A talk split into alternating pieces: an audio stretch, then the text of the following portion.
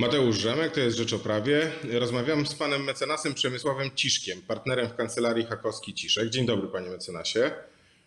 Dzień dobry panu, dzień dobry państwu.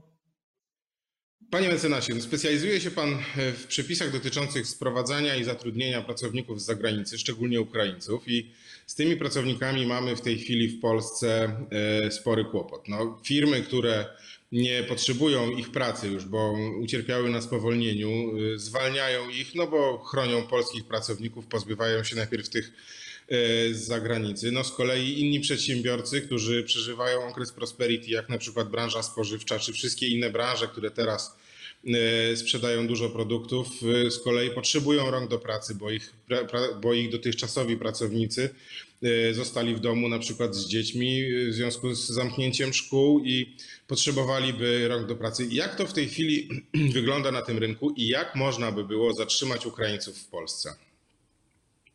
W tej chwili osoby, które nie są obywatelami polskimi, a pracują w Polsce, one są troszkę w takiej pułapce, dlatego że e, nie wyjechały do domu, natomiast są w miejscach, w miejscu, w którym wykonują swoją pracę.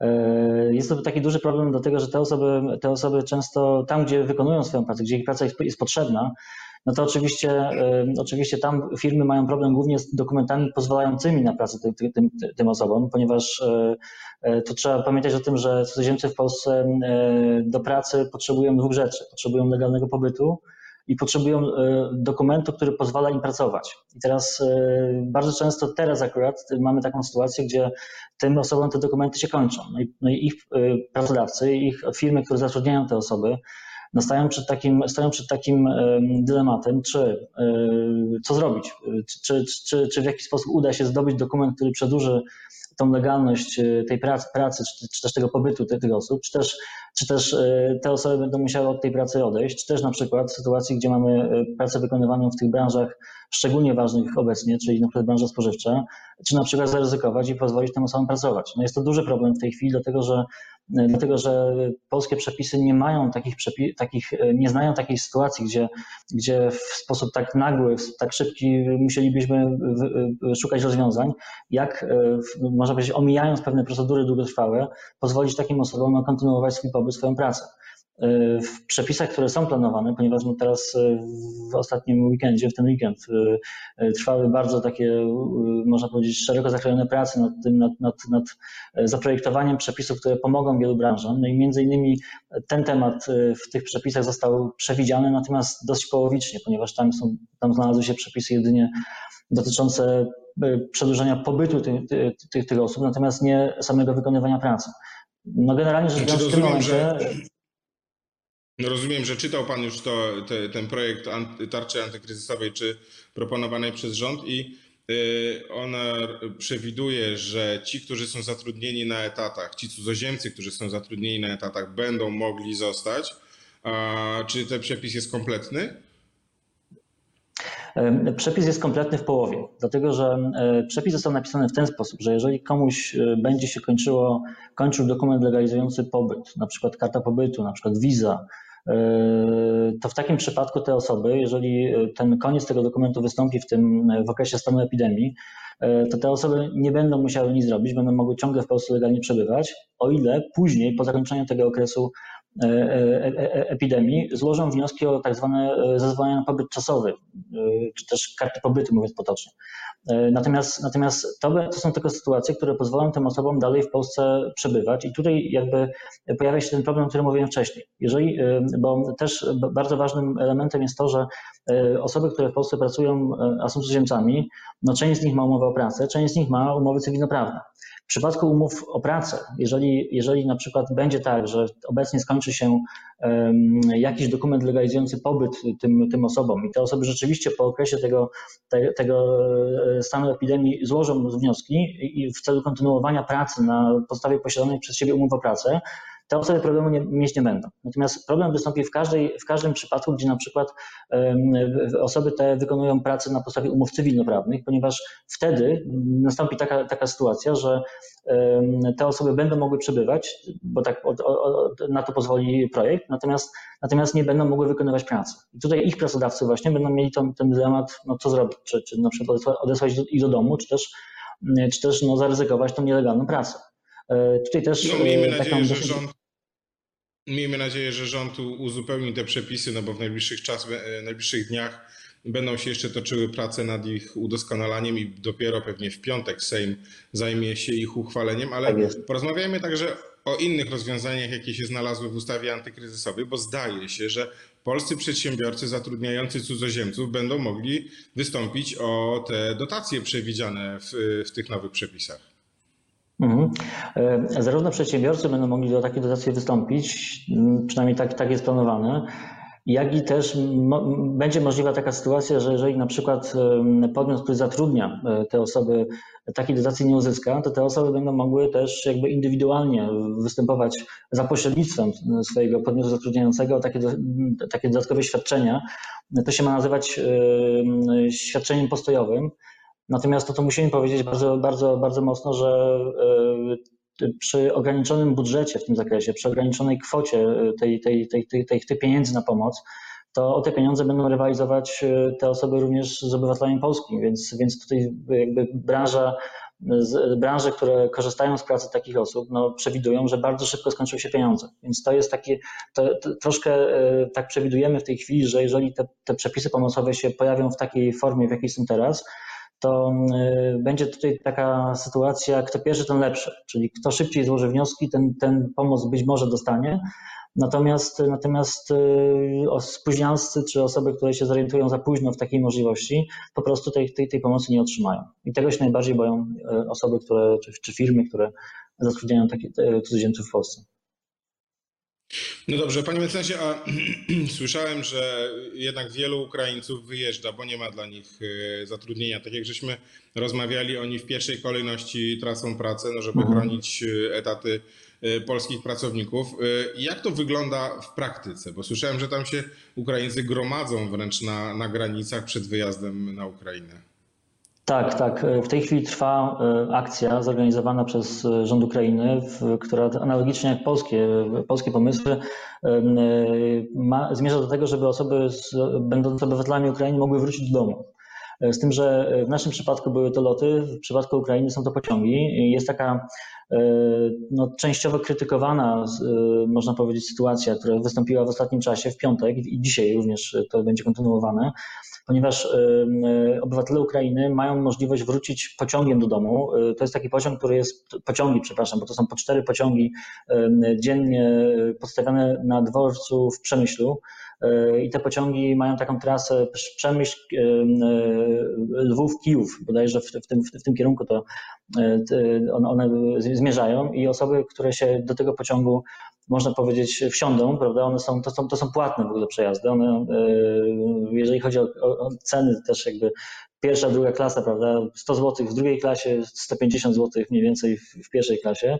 Natomiast, natomiast e, z tego w piątek skorzystało z, tego, e, z tej możliwości około no ponad 3000 osób, obywateli Ukrainy.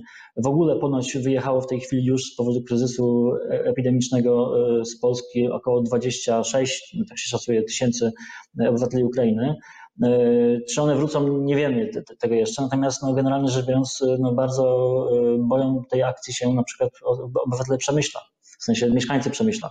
E, dlatego, że to powoduje, że na Małym Dworcu dość, e, no nie jest to naj, największe miasto w Polsce, natomiast dworzec ma pewną przepustowość i nagle w jednym momencie, w jednej godzinie pojawia się tam kilkaset czy nawet kilka tysięcy osób no biorąc pod uwagę obecną sytuację, nie jest to, nie jest to, nie jest to sytuacja bezpieczna dla, dla, dla, zarówno dla obywateli Ukrainy korzystających z, tego, z, tej, z tej możliwości, jak i oczywiście dla mieszkańców Przemyśla, bo to jest, pamiętajmy, że to jest jedno miasto, jedno miasto, mały dworzec, prawda, i tysiące osób, które muszą tam dotrzeć, e, jak to się mówi, różnymi drogami z całej Polski, czy też z krajów ościennych.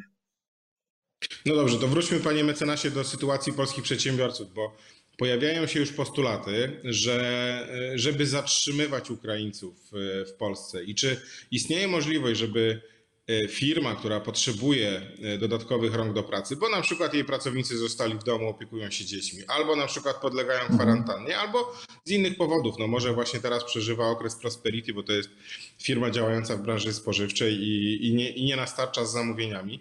Czy taki przedsiębiorca mógłby y, zatrudnić któregoś z tych Ukraińców, którzy właśnie wyjeżdżają z Polski, bo nie byli potrzebni w innej firmie, firmie, która właśnie ucierpiała na kryzysie?